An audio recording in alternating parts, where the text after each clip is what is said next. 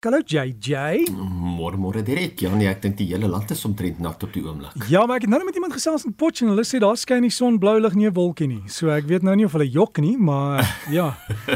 Hy seker klaar daar verby. Ja, maar dit is seker dele van die land het lekker reën gehad JJ, maar dis ook wanneer die bossies opkom. Jy moet kyk vir swamme, hè.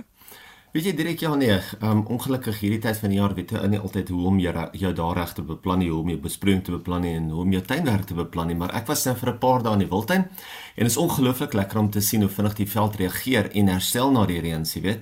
Plante wat nou pragtig in die wildtuin blom, sluit natuurlik die bekende vlamlelie in, die vlam van die vlakte, Die, die bekende vlamlelie op oomblik is natuurlik die geel een wat op oomblik in die wildtuin blom, nie noodwendig die oranje een en die jammer. Die vlam van die vlakte, die impala lelie en natuurlik ook die minder bekende homskoldia met sy pragtige vel pink blommetjies. Uh so 3 dae gelede toe reën dit so 100 mils daar in die wildtuin en ja nee, wraggies, mense kan nie glo hoe die riviere afkom ook met al die reën nie, maar dit was ongelooflik lekker geweest. Direk almal maak natuurlik nou hulle nuwejaarsvoorneme en as jy ietsie anders of interessants wil probeer of jou groen vingers dalk bietjie op die proef wil stel, hoekom probeer jy nie om een plant op 'n ander een te ent nie? Nou is heel maklik om 'n verskillende kleur roos op 'n ander roos te ent of die een sitrus op 'n ander sitrus te ent. Mens kan nie 'n persk op 'n appel ent nie of jy kan byvoorbeeld nie 'n sitrus op 'n roos ent nie. Meeste van jou uh sitrus wat 'n mens deesdae kry is eintlik geokuleer, sowel ook jou rose word meer geokuleer maar jy kan hulle ook op mekaar ent. Dit is eintlik baie maklik. Onthou natuurlik met okulering, vat hulle die oogie en hulle sit net die oogie waar daar waar die takkie vorm, daar waar die blaartjies vorm, sit hulle dit oor op 'n ander plant. Jy trek basies sy jassie oop en sit jy die wat, wat nou sy bas is, dan sit jy die oogie daarin en dan bind jy hom weer toe, dan behoort hy so te vat maar gaan lees 'n bietjie meer oor enting en okulering en hoe maklik dit eintlik is as jy dit self wil probeer. Daar's baie mense wat speel in die tuin en dis een van daai goed waarmee mense kan speel in die tuin. Ek wonder nogal as ek so rondry in die dorpe en die stede, hoekom die mense nie meer gebruik maak van plante as skerms in plaas van hierdie kolossale hoë mure om hulle eiendomme nie.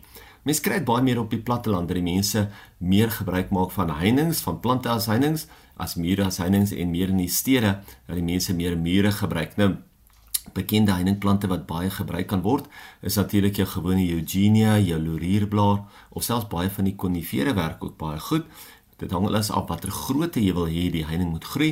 So gaan gesels bietjie met iemand by 'n kwekery om te hoor wat gaan die beste by jou werk, wat gaan hoe groot word en natuurlik hoe dig gaan dit word. Is dit immergroen of is dit bladwisselend? As 'n mens bietjie die inheemse roete wil volg, kan jy bosvliere gebruik, jy kan vals olywe gebruik. Hulle groei almal lekker dig of selfs jou kaaieappel met sy eetbare vrugte en ook sy skerp dorings vir 'n inheemse geharde sekuriteitsheining. Ek gesien hoe groei die kaaieappel sommer oral daar so in die wildtuin en dit is so lekker om te sien as 'n mens wel van daai inheemse plante herken. Ons plant van die week vir hierdie week is die Tulbaggia Kilimanjaro. Nou baie mense ken die wilde knoffel familie, maar in hierdie geval is dit een wat amper 1 en 'n half keer so groot soos die oorspronklike een groei. Hy maak ook daai sagte persblomme wat bo die blare vorm vanaf lente tot vroeg somer. Hy is eintlik nou nog in blom.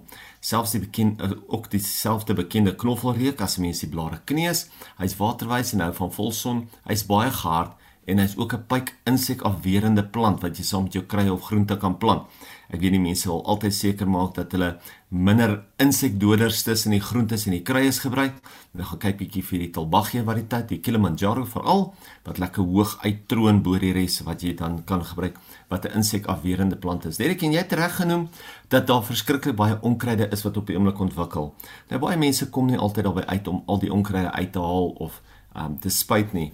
Maar wat 'n mens wel kan doen is jy kan deur die tuin gaan en jy kan ten minste baie van daai onkruidsade net wegbreek sodat hy nie blom nie, sodat hy nie saad vorm nie en dan weet jy, jy gaan so selfsvolmatig ook van die onkruide op 'n heeltemal organiese manier ontslaa raak.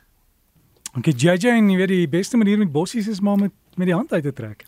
Altyd met die hand uit te trek. Ek sien so baie keer dat mense sal op um Facebook praat van hulle gebruik soutwater en hulle gebruik seepwater en hulle meng die twee saam. Jogg, weet jy, jy breek jou grond heeltemal af as jy dit op jou grond spuit. So probeer asseblief om dit eerder nie te doen nie.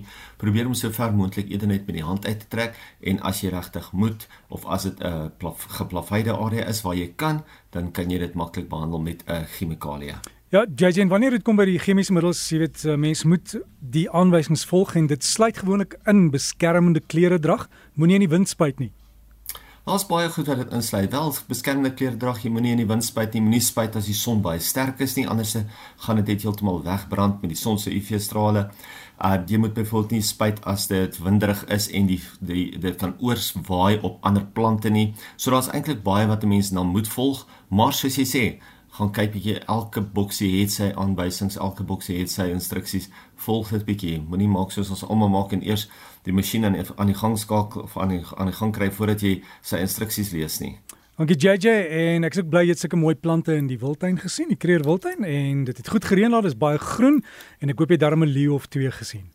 Ja nee, definitief gaan loer bietjie op my Facebook. Ek sal hulle daarso vir ons almal gaan sit. Dankie aan JJ, daar ook die plant van die week. Al die inligting is op die Breakfast Facebook bladsy geplaas, al die raad wat JJ gegee het. Gaan loer daar en dan kan jy lekker tuin maak.